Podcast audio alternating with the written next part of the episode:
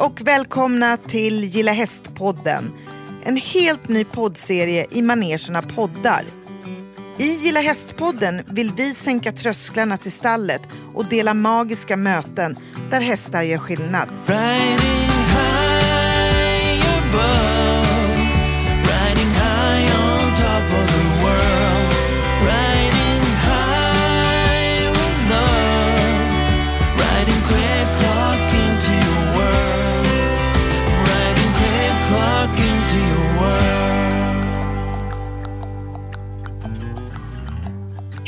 och välkomna till Gilla Häst-podden.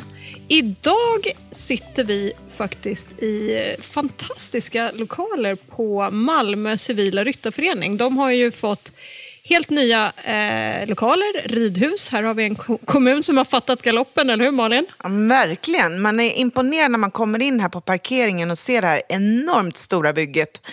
Och som tur, vi hade lite tur idag och träffade faktiskt arkitekten för att höra lite om och vad och kring man ska tänka på när man bygger en sån här anläggning. Så det var lite spännande. Och nu sitter vi här med dagens gäst. Välkommen Rim! Tack så mycket. Jätteroligt att få träffa dig. Jag har ju följt dig som sagt i sociala medier under en längre tid och jag har läst om dig och känt att det här är en tjej som, som jag skulle vilja träffa, eller hur Malin? Ja, men jag också hakade ju på det, för du berättade om RIM.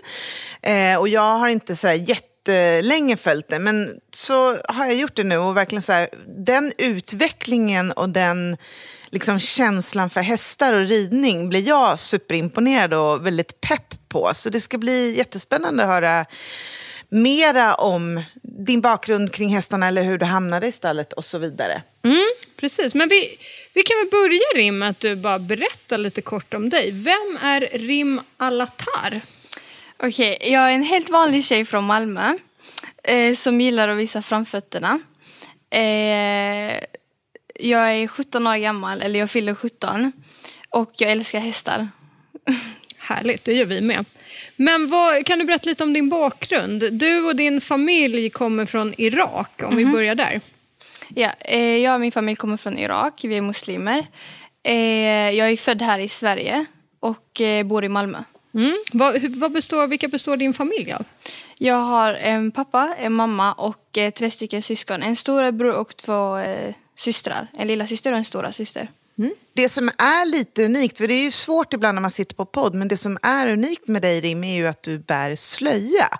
Och vi ska inte fokusera för mycket kring det, men för oss är det ganska viktigt att också berätta de här historierna. Är stallet för alla? Hur blir man mött och bemött i stallet när man bär slöja och vad kan problemen ha varit för dig? Och ja, framförallt också inspirera andra tjejer som bär slöja eller andra tjejer generellt att komma till stallet. För det är ju det vi vill göra, sänka trösklarna och få fler att börja gilla häst helt enkelt. Mm. Och om vi backar lite sådär bara just hästar. Hur kom hästarna in i ditt liv, Rim? Hur började det? Alltså det började först med att min lilla syster ville rida. Så vi allihopa vi bara, ja men vi, vi går till stallet liksom och kollar hästarna. Eh, sen när jag var där, jag bara fick en så konstig känsla. Du vet, jag var helt fascinerad över att människor där kunde samarbeta med det djuret. Och man kunde liksom rida det djuret och man kunde liksom alltså, lita på det djuret med hela, med, alltså, med hela vårt liv. Förstår du vad jag menar? Eh, så, när, så när, du vet, när jag såg människor som red, det var bara så modigt. Det var en helt annan känsla. Det var inte likadant som typ att hålla på med typ fotbollen. För det var verkligen, alltså det är ett djur som har eh, sina egna känslor, sina egna tankar. Och man ska kunna samarbeta med det utan att kunna kommunicera. Och det är liksom helt sjukt om man tänker efter. Eh, så, att, så att man bara lyckas liksom tävla och komma igenom banor med ett så stort djur är bara helt sjukt och det är liksom en helt annan känsla än att liksom jaga en boll. Om ni förstår. Verkligen. Jag blev ju nyfiken också. Som sagt, du och din familj kom från Irak. Eh, Vad har hästen för roll i eh, ert hemland jämfört med Sverige? Mm, alltså det, det är mer en manlig sport. Och det är liksom mer en mäktig sport. Liksom, eh, om man har en häst som är helt vild och liksom Alltså, ni har ju sett de araberna hur de t- travar, arabhästarna. Ja. Hur de travar, det är liksom bara så mäktigt. Och det tror jag får eh, folk i mitt hemland tycka liksom wow, vad är detta? Eh, för det är ett så mäktigt djur. Det är liksom helt stort, jättefint utseende på dem. Och det har alltså en ganska stor betydelse i vårt hemland. Men finns det, finns det ridskolor på det sättet som det finns här i Sverige, i Irak? Nej, jag tror inte det faktiskt. Nej. Om de skulle lära ut eh, ridningen på ridskolor så skulle det bara vara för män faktiskt. Så tjejer, är, är de inte välkomna i stallet eller det är bara så kulturen är? Att, man, att det är männen som rider eller?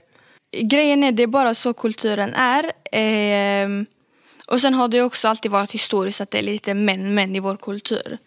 Eh, det är därför jag och mamma jobbar jättemycket hemma med att liksom det, det ska vara jämställt. Bra. Hur gör ni det? Blir jag nyfiken. Alltså, alltså det är till exempel typ om min pappa tar ett beslut som vi tjejer inte tycker om. Då kan vi diskutera det hemma och då till slut får vi min pappa liksom acceptera det. Så det är väldigt mycket demokrati hemma hos oss ska jag säga. Mycket bra. Men det är ju superbra just det att kunna liksom både prata om det så här i en podd. Att liksom, det finns ju ganska många människor med förlagda tankar om just kring muslimer och män och jämställdhet. Så att jag menar, det är ju också en ny generation på, på ingång och du är ju en av dem. Att också då lyfta det här med jämställdhetsfrågan tycker jag är viktigt. Och om vi då tar oss tillbaka till stallet. Hur var det att kliva in på en svensk ridskola för dig?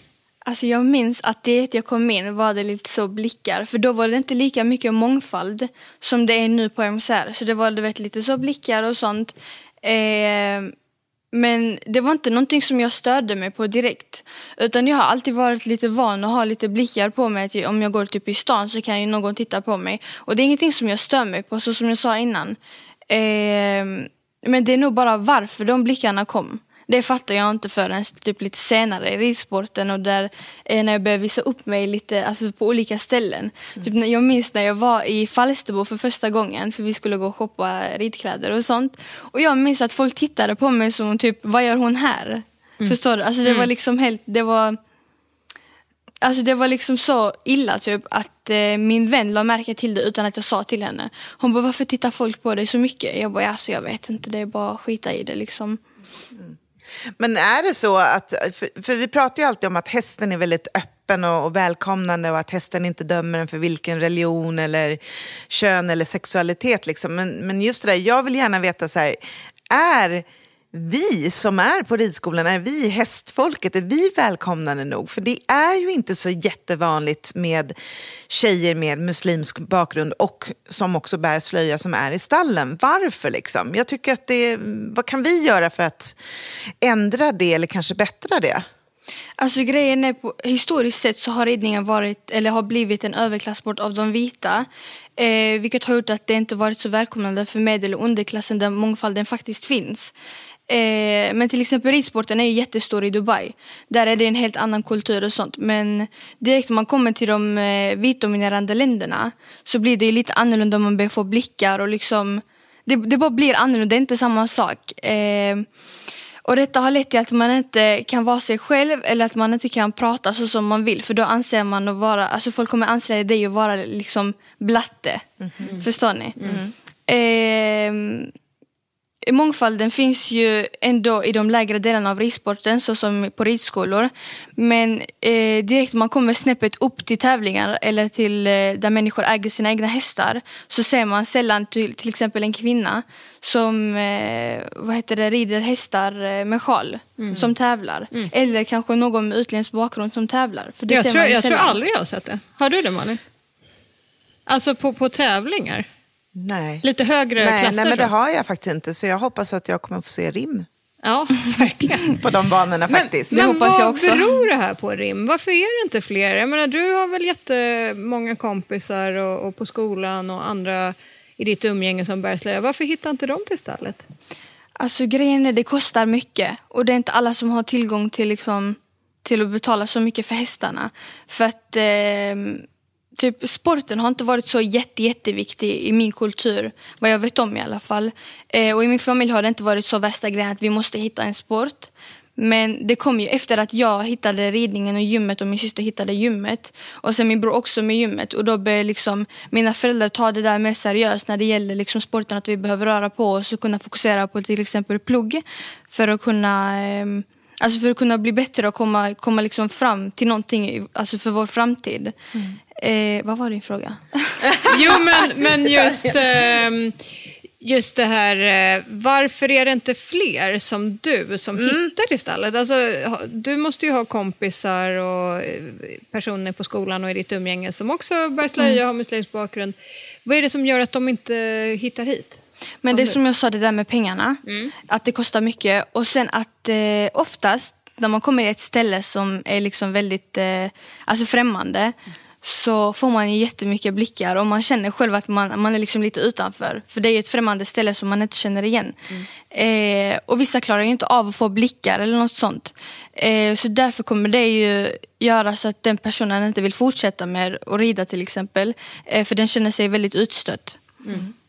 Men jag tänker också där, där borde ju ridskolan kunna ta sitt ansvar och kanske starta upp med, med en sån frontfigur som dig. Till exempel att verkligen så här, ha prova på-ridning eh, för att attrahera andra kulturer och för jag tror ju på mångfald, det är precis som, som även med hästar.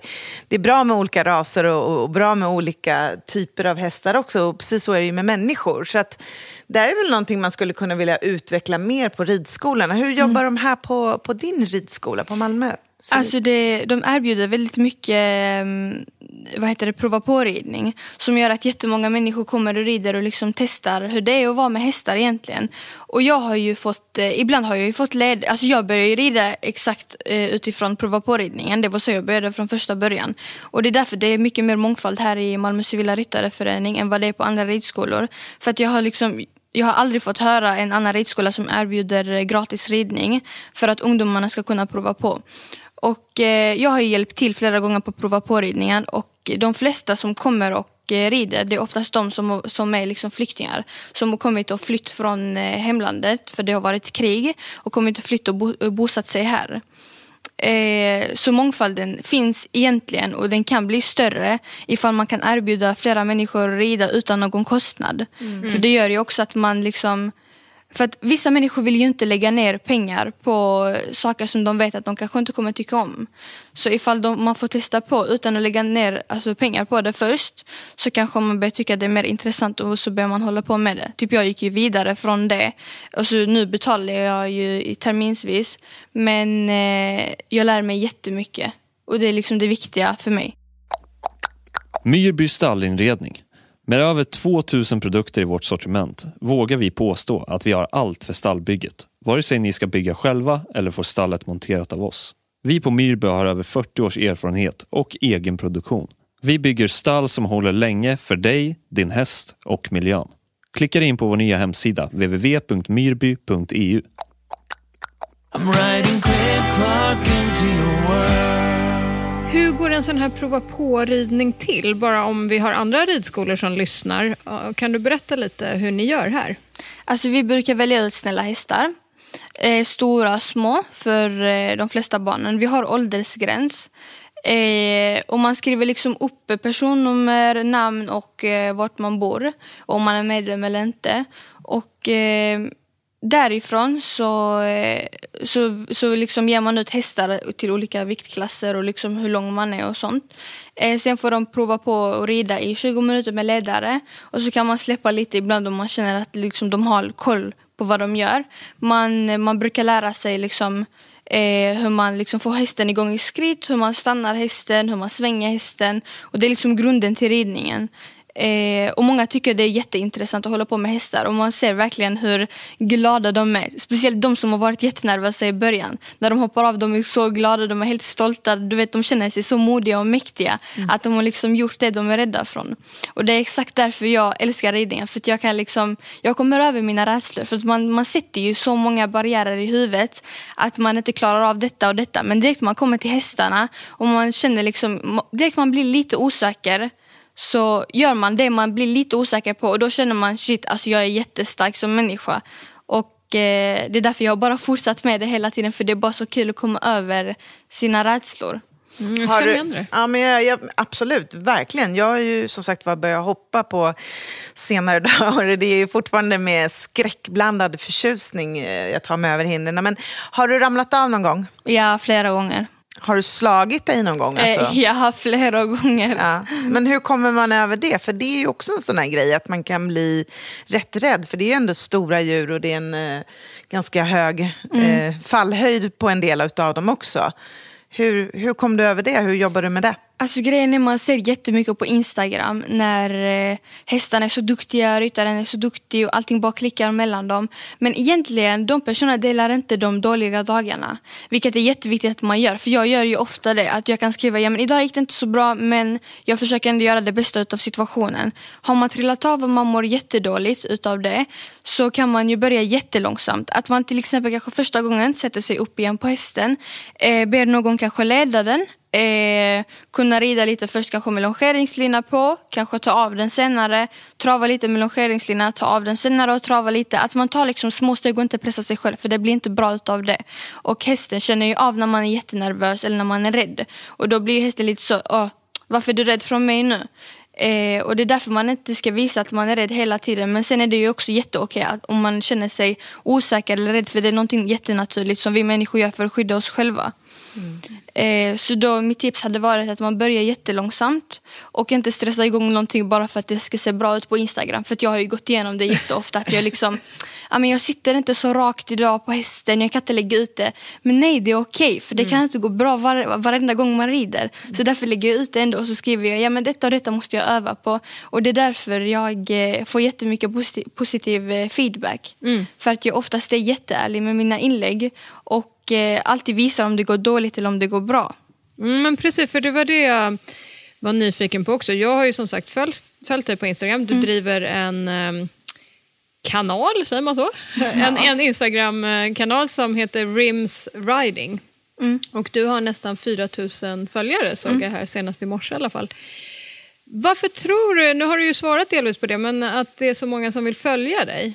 Alltså grejen är att jag la ut ett inlägg igår och så skrev jag på min story, jag bara, varför, varför följer ni mig? För du vet det är så intressant att veta varför folk följer en. Och jag fick, alltså jag kan läsa upp några kommentarer om jag Ja, vill. det är jättespännande. Ja. Ehm, jag ska bara ta ut inlägget. Ja, nej, men jag, och jag håller med om att jag tycker att du eh, lägger ut bra grejer. Liksom. Ja, men verkligen så här, Ja. relevant och sen öppet och lite, ja, men lite sårbart. För det är man ju när det inte alltid går så bra. Man bär med sig det här lite, fan det gick inte bra idag liksom. Och, och så får man hem och fundera lite grann. Och så är det en ny dag och så Ja. kanske man rider jättebra och då är man ju så här, woo, liksom. Det är ju verkligen upp och ner. Får vi höra? Ja, här är några eh, svar som jag har fått. Du är sjukt inspirerande och får mig motiverad till att fortsätta med det jag, jag kämpar för. Eh, för att du är en jättefin förebild. Eh, du är en så fin tjej som rider bra eh, och är bra med hästar och jag gillar det. Sen så fick jag... Eh, för att du är en cool och smart person och väldigt duktig med hästarna. Eh, sen fick jag också för att du har ett roligt konto att följa. För att du är ärlig. Sen för att du är grym och motiverande och är bra med hästar. Sen fick jag den för du är bäst, du är inspirerande. Alltså det är så gulligt för jag blir jätteglad. Ja. Vem hade Ehm, inte blivit? Ja, men jag blir så himla glad att höra också att, att det är också positivt Ja, exakt. på Instagram. Får du även eh, nättroll och hat? Nej, faktiskt inte. Inte så ofta. Alltså de, de enda gångerna jag har fått det är kanske när jag har lagt ut typ någon Expressen-artikel. Då kanske folk har kommenterat ja men hon bara försöker göra problemet större och sånt. Men är du, är du liksom inom den normen cirkel, om man ska säga så ser du inte hur andra blir utsatta. Du känner ju inte av dig själv om du är typ en blond svensk person i samhället. Eh, men direkt du blir lite, alltså du är lite annorlunda än vad alla andra är. Så är det du som känner det eh, mer än vad typ de andra gör, förstår du? Eh, jag fick en också som sa att jag var jätteärlig och det är därför de tycker om att följa mig. Och sen fick jag också några som säger ja men det är något annorlunda. Det är liksom något nytt i ridsporten. Ja, men gud vad roligt att, att höra. Ja men verkligen. Och jag tänker också just det där att vi pratar ju ganska mycket om i podden så här, vad är det med hästar som gör att vi mår bra i deras närhet? Skulle du kunna sätta ord, vad är det med en häst som gör att du, Att du mår bra. att du mår bra. Precis.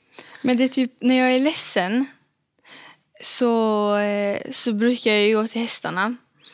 Och det är bara typ en annan typ av tröst. För du vet deras kroppsvärme och allting, du vet deras kärlek. De bara ger dig sån annorlunda kärlek som man inte kan förklara egentligen.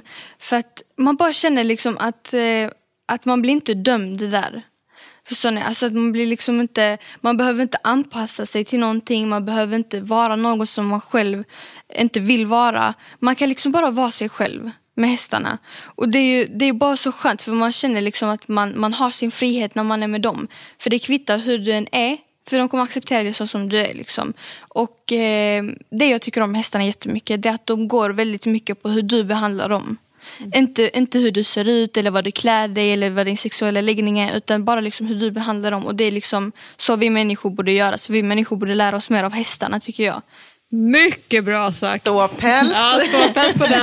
Och plus att vi pratade med en forskare Ja, precis. som sa exakt samma sak. Så du är helt... Helt rätt på det faktiskt. Vi vet ju idag att barn och unga idag mår sämre och sämre, tyvärr. Och eh, i en rapport från Folkhälsomyndigheten så, så ser man att eh, de här psykiska besvären har fördubblats de senaste 20 till 30 åren bland barn och unga. Eller an, antalet barn och unga som åtminstone hör av sig och behöver hjälp har fördubblats. Och eh, det som ligger bakom är ofta låg självkänsla, oro för framtiden, ökad press och stress. Är det här något som du upplever? Du är ju ung tjej idag, går i gymnasiet. Och eh, är det här något du upplever och tror du att hästarna skulle kunna komma in här mer? Är det fler som skulle kunna få hjälp av hästar? Alltså vi kan ju ta mig själv som exempel. Eh, innan jag började rida, alltså jag hade värsta måendet innan. För att eh, när jag bytte skola så var det jättemycket hat mot mig och jag blev kallad för till exempel Batman för att jag hade svart slöja. Eh, och jag fick liksom höra, ja ska du bomba dig själv nu när jag skulle på toa eller något sånt och det var liksom sådana sjuka kommentarer. Och jag minns en gång när jag var i skolan så var det någon som, så var det en kille i min klass som tog tag i mig så här. Oj, som tog tag i mig liksom runt halsen och så track han och så höll min slöja på att åka av så jag bara liksom, jag bara vad gör du, släpp mig. Och så gick jag in till toaletten och fixade min slöja. Och jag bara, då kände jag liksom varför? Jag fattar inte varför man ska bete sig så mot någon annan. Eh, jag har ju inte haft så jätteenkelt med min slöja och det har varit jättemycket problem i skolan och hit och dit. Eh, och jag var jättesvag som person, typ nu när jag tänker efter. Jag hade aldrig kunnat låta något sånt hända mig nu. Eh, vad som hände mig innan. Alltså jag hade aldrig accepterat det. Jag förstår inte ens hur jag kunde vara tyst när det gällde något sånt. Nu när jag ser att någonting är fel, jag säger till direkt för att det är inte någonting man ska vara tyst om. För till exempel kan någon komma så långt att ta ett stryptag på min hals så kan man göra någonting mycket värre sen i framtiden. Det är inte rätt. Det är, liksom, det är jättefel. Eh, men sen när jag väl hittade hästarna, det var då den perioden jag liksom började hålla på med hästar. Jag mådde ju jättedåligt och så träffade jag min bästa vän som jag har varit vän med nu sen jag började rida. Och det är Ayla. Alltså det är på riktigt det bästa som har hänt men jag kan inte förklara eh, hur jag känner för henne. För att när jag har mått dåligt, det har liksom, hon har alltid funnits där för mig. Och hon förstår alltid det där med hästarna. Så vet, man kan ju prata om sånt och man bara har någonting mer gemensamt. Så därför tror jag att om man håller på med hästar så delvis kommer man hitta flera vänner. Eh, och sen så har man ju också hästarna som är våra vänner som kan faktiskt trösta dig på ett helt annat sätt än vad vi människor kan göra med varandra. Jättefint förklarat. Ja, verkligen. Eh, ja, jag blev lite sådär tagen. Ja, jag Kände med. jag Jag själv att jag, Ja. ja, Men eh, jo, nu ska vi komma tillbaka på banan här. tillbaks till Jo, dressyren. men också är vi ju nyfikna såklart. Hur ser det ut för dig idag med ridningen? Hur mycket rider du? Vad är det för hästar? Och var nivåmässigt befinner du dig? Och vart vill du med din ridning, tänker jag också. Alltså jag har, sen jag började rida har jag alltid haft en dröm och det är att jag vill jättegärna ha eh, hästar som jag kan utbilda och sen sälja vidare. Eh, så typ ett eget stall med liksom eget företag och allting. Eh, så det är liksom min, eh, alltså fram, mitt framtida mål. Men just nu befinner jag mig i, i ridningen där jag utbildar en häst, den gula, som många har, gett, som många har sett på min Instagram. Eh, den som heter Lotus. Han är ju väldigt ung och väldigt nervig så det har varit ett väldigt svårt projekt för mig. Hur, Men kom du, har- hur kom du i kontakt med Lotus? Eh, genom Facebook, hans ägare skrev till mig och då liksom skrev jag tillbaka och så pratade vi lite om honom. Tanken var att jag skulle ha en läromästare egentligen i mitt huvud, att jag skulle tävla den och komma jättelångt med den. Men istället fick jag en häst som inte kunde någonting. Eh, men det har bara varit jättekul att jag har liksom kunnat följa honom från början till, till nu där vi står idag. Eh, och det har varit, alltså det har varit en verkligen en resa kan jag säga. Det har varit upp och ner och liksom allting. Det har varit katastrof vissa dagar, det har varit jättebra vissa dagar. Och det är så med ridningen. Liksom, man kan inte tänka sig, ja men idag ska detta och detta hända. Nej, utan går det inte bra, bara ta tag i det, exakt det du har framför dig. Tänk inte på det, för när du övertänker så blir det bara sämre. Det blir liksom, du kommer bara få värsta shutdownen i ditt huvud och du kommer inte kunna göra någonting med det eller rida bra om du bara tänker hela tiden på, på eh, de negativa grejerna. Utan du ska tänka på det som du har just nu, det positiva. Göra allting, eh, göra liksom allting bra. Eh, och sen när du rider så bara liksom fokusera fram. För att hästen kommer känna av om du liksom tänker bakåt och sånt för det blir liksom inte bra. Du, blir en hel, du rider liksom helt annorlunda. För här på MSR så rider jag en gång i veckan men med Lotus så rider jag två gånger i veckan nu för att eh, det är jättemycket plugg i gymnasiet. Eh, men direkt det är lov och sånt så rider jag ju mer. Men på MSR nu när jag har haft Nalle han är ju ganska liksom du kan inte ha så mycket kontroll över honom. Det gäller att samarbeta jättemycket med honom för att man får liksom inte dra inte han i munnen och sånt för att han lyssnar inte på det. Han tycker inte om det heller. Så det är väldigt mycket rida med kroppen och liksom bara vara lugn. Och jag är ofta så att när jag ska rida en bana med honom som vi har fått av eh, min ridlärare Chris så kanske jag liksom börjar stressa igång det bara för att jag ska liksom få det gjort snabbt.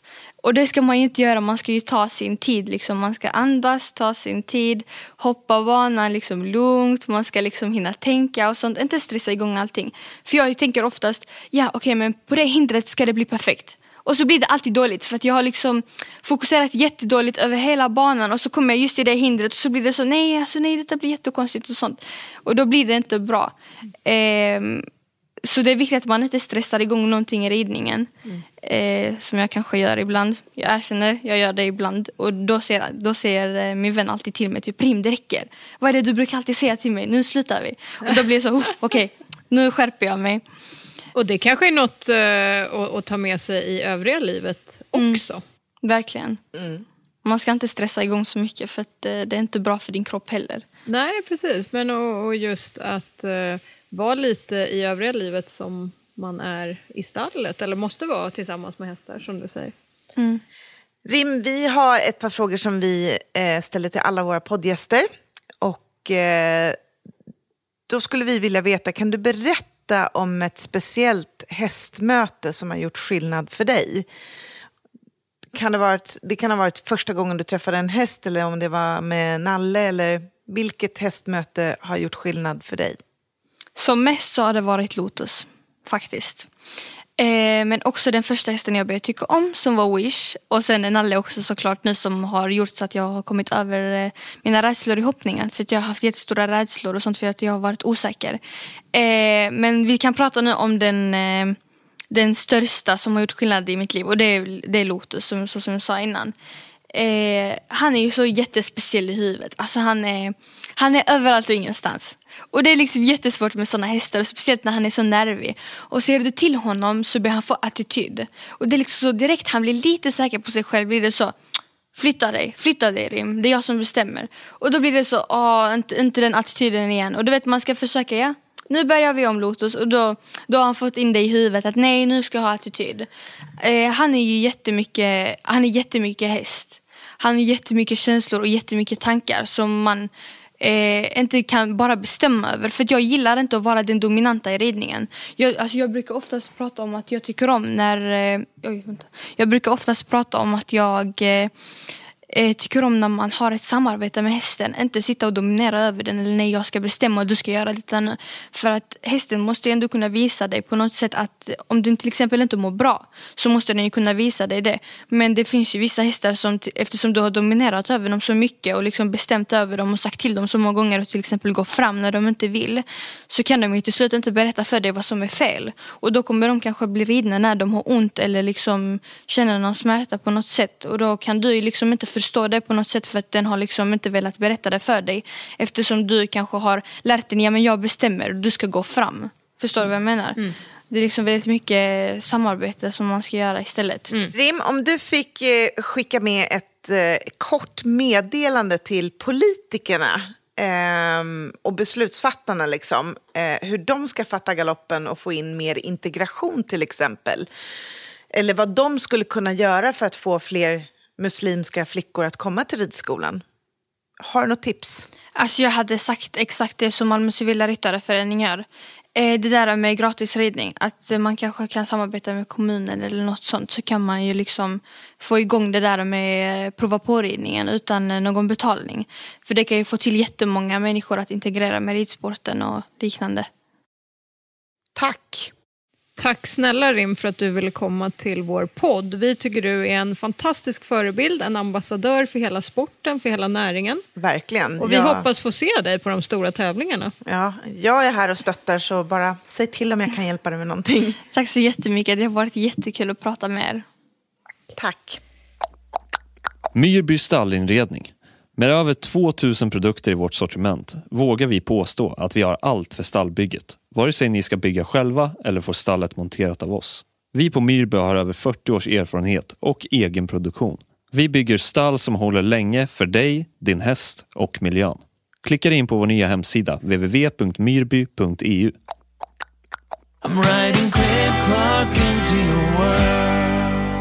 Nu Malin har ju vi tagit oss själva här en liten rundtur på Malmö civila ryttarförening som har en helt ny anläggning precis utanför Malmö som är helt fantastisk. Och vi har lyckats haffa verksamhetschefen för Malmö civila ryttarförening som heter Chris. Hej Chris! Hej.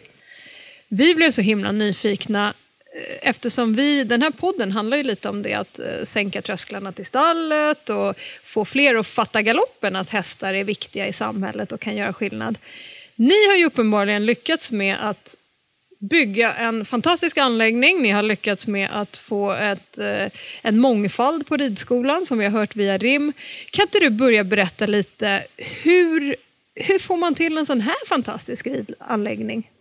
Det är en lång historia. Vi, jag såg de första ritningarna 1990. Vi har ju varit kopplade till eh, Skånska travsällskapet under alla år. Och för att detta skulle kunna komma till stånd så fick vi ju kopplas bort från dem och på kommunen. Så man kan ju säga att Malmö kommun har gjort en enorm ridsportsatsning och då är vi en del i det. Vad har krävts av dig för att få igenom det här? För det är väl många som står och skriker på politikerna att de vill ha pengar? Mm, ja, fast vi, vi var ju i pipen länge då kan man ju säga och eh, vi hade ju en fruktansvärt gammal eh, sliten anläggning. Så det var ju, och plus att vi jobbar så mycket med integration och tillsammans med kommunen så därför så var ju vi en viktig aktör i det här. Så det kan man ju säga att det har varit en stor bidragande orsak till att vi har kunnat göra det här. Men kan det vara ett tips till andra ridskolor att faktiskt eh, försöka få till fler sådana här samverkansprojekt där man kan visa för kommunen att man inte, om man nu säger inom situationstecken, bara bedriver ridskola utan också kan vara en samhällsnytta. Till exempel integration är ju en, en sak.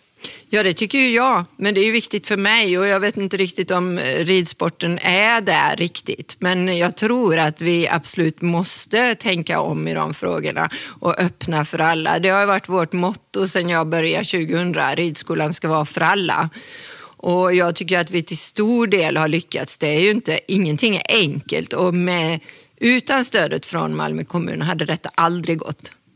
Nej, men det är ju fantastiskt för att också just att är ridskolan för alla är en fråga som jag själv ställer mig eh, just när det kommer till om det är sporten. Men vi pratade tidigare med Rim att ja, men det är ju dyrt att rida. Varför är det inte fler flickor eh, med eh, eh invandrarbakgrund kommer till skolan? Men vi har ju också pratat väldigt mycket i den här podden om att hänga i ett stall kostar ju ingenting. Det är ju lite grann som en, eller var för mig i alla fall, som att komma till en fritidsgård. Man är liksom en i gänget, man har hästarna och så vidare. Också att man även där eh, vågar eh, öppna upp och kan ha andra eh, faciliteter på ridskolan. Är du med på hur jag tänker? Just att Ja. med vård och skola och omsorg också.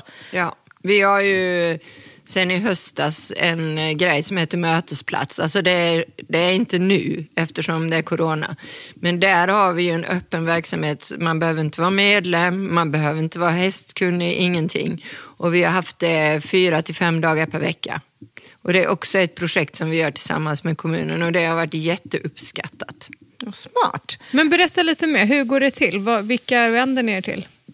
Ja, vi har ju, det finns ju Kul i Malmö. Det är ju eh, där alla gratisaktiviteter finns i Malmö. Vi är ju en del av ett väldigt stort föreningsliv i Malmö som är unikt och bidragen från kommunen är helt unika i Malmö. Det är ju Sveriges bästa föreningskommun. Och då eh, fick vi en fråga om detta med mötesplats som är ju en sorts fritidsgård eftersom det är så många som hänger här innan det också då, så att de skulle ha en meningsfull fritid och vi skulle kunna ta hand om dem så vi hade ledare.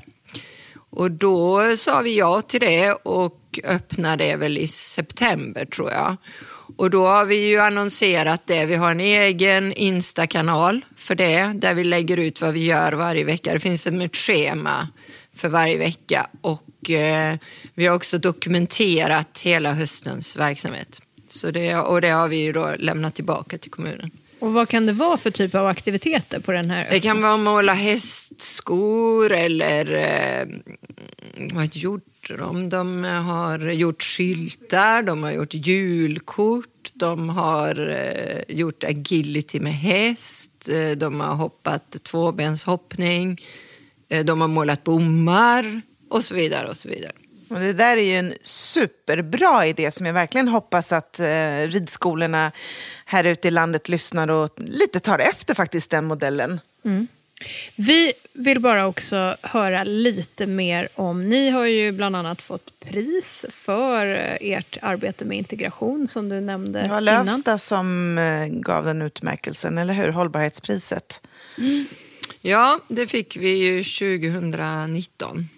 Kan du berätta hur den här, eh, också lite för att inspirera andra ridskolor, vad är det som har funkat bäst? Hur har ni satt upp det här? För ni har väl provat liksom lite olika modeller? Vi har hållit på i 20 år. Och sen handslaget började. Från början så idkade vi en uppsökande verksamhet. Och då vände vi oss till eh, dem i vår absoluta närhet. Och det var ju mest barn med utländsk härkomst. Och då fick vi ändå väldigt positiva svar. Och vi hade också eh, Eh, barn och ungdomar med funktionsvariation från en skola i, på Möllevången i Malmö som vi hade ett samarbete med i flera år. Det var också väldigt uppskattat. Och sen så tyckte vi att det blev jobbigt att jobba med de här eh, korta projekten med pengar för en kort period. Och när det här Kul i Malmö kom så sa vi att då vill vi jobba under längre perioder och med samma verksamhet hela tiden. Och det har vi ju gjort de sista åren och det liksom rullar på. Och vi har ju då eh, deltagit i, eh, vad ska man säga, hur man kollar upp hur det funkar genom eh, universitetet och Ridsportförbundet och så. Så min, mitt tips till alla är att försöka göra så långsiktiga satsningar som möjligt. Gör det enkelt, lättillgängligt. Vi har ingen bokning. Vi har så här, kommer det för många så får de förtur till nästa gång. Man behöver inte inte avboka eller boka på och vi har all utrustning man behöver. Och det är... Och man, ska, man lär sig att rida lite grann i skritt och trav och man får en hästkänsla och umgås med hästar och man får ju nya kompisar. Och även föräldrarna har ju vi märkt får andra kompisar och tycker att det är jättemysigt att hänga i stallet. Men det, det, ja, ni vet ju själv med corona nu så är ju allt det nedstängt. Men eh, så mitt tips är att eh, håll det på en basic nivå, gör det lättillgängligt, eh, kravlöst. kravlöst. Tusen tack Chris. Ja, verkligen. Tack och stort lycka till här nu på den här nya härliga anläggningen. Jag hoppas verkligen att det öppnar upp så att jag kan komma hit och tävla med min häst. Ja, jag, jag med. Jag visste inte om jag skulle faktiskt våga fråga den här frågan. Men hur funkar det att ha slöja under hjälmen? Alltså hur passar man in det? Ja, därför jag är offentlig. För att man ska kunna våga och komma liksom fram och fråga mig eh, olika frågor angående slöja och liksom jag som muslimsk ryttare hur jag funkar och sånt. Det jag gör det är bara liksom ta en lite större hjälm eftersom att min liksom bucklar i håret. För att jag sätter upp håret så som hästsvans och så har jag det liksom som en rulle. För att det inte ska börja trycka och sånt så har jag en lite större hjälm för att den ska få plats där inne. Eh, och sen, eh, jag har ju inte ridit eh, utan slöja. Så jag vet inte hur det är att rida utan slöja men vad jag har fått höra är att håret blir jätteäckligt och sånt. Så det är bara nice för mig för jag slipper eh, ha äckligt hår. Precis, det finns massa fördelar Absolut. som Ja, man kanske verkligen. inte tänker på. Gilla hästpodden ryms i satsningen med samma namn som drivs av hästnäringens nationella stiftelse, HNS. Läs mer på gillahäst.se och följ oss gärna i sociala kanaler. Myrby stallinredning. Med över 2000 produkter i vårt sortiment vågar vi påstå att vi har allt för stallbygget. Vare sig ni ska bygga själva eller få stallet monterat av oss. Vi på Myrby har över 40 års erfarenhet och egen produktion. Vi bygger stall som håller länge för dig, din häst och miljön. Klicka in på vår nya hemsida www.myrby.eu. Right